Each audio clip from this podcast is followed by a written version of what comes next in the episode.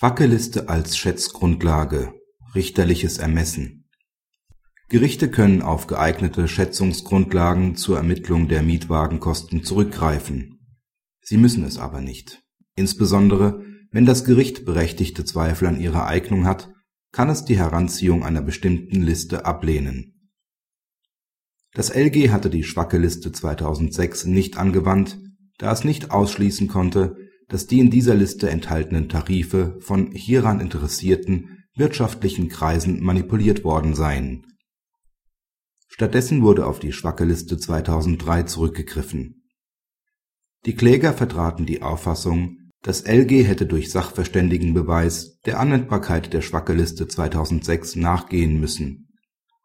Der BGH kommt zum Ergebnis, dass dann wenn eine Schätzungsgrundlage erschüttert ist, nicht geklärt werden muss, ob diese Werte zutreffen, wenn eine andere, aus Sicht des Gerichts geeignete Schätzungsgrundlage vorhanden ist.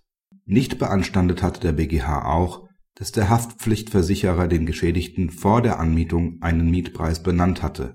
Vielmehr hätten dem Geschädigten aufgrund der Information des Versicherers Bedenken gegen den vom Autovermieter mitgeteilten Mietpreis kommen müssen so dass dieser Erkundigungen nach günstigeren Tarifen hätte einholen müssen.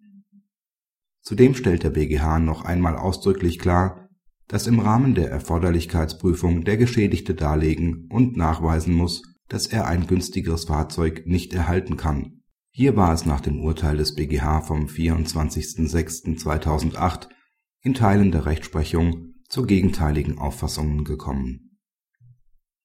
Ausblick Abzuwarten bleibt, ob der BGH auch in Fällen, in denen der Tatrichter eine Anwendung der Schwacke-Liste ablehnt und stattdessen auf Basis der Erhebung des Fraunhofer-Instituts eine Schätzung vornimmt, dies ebenfalls bestätigen wird.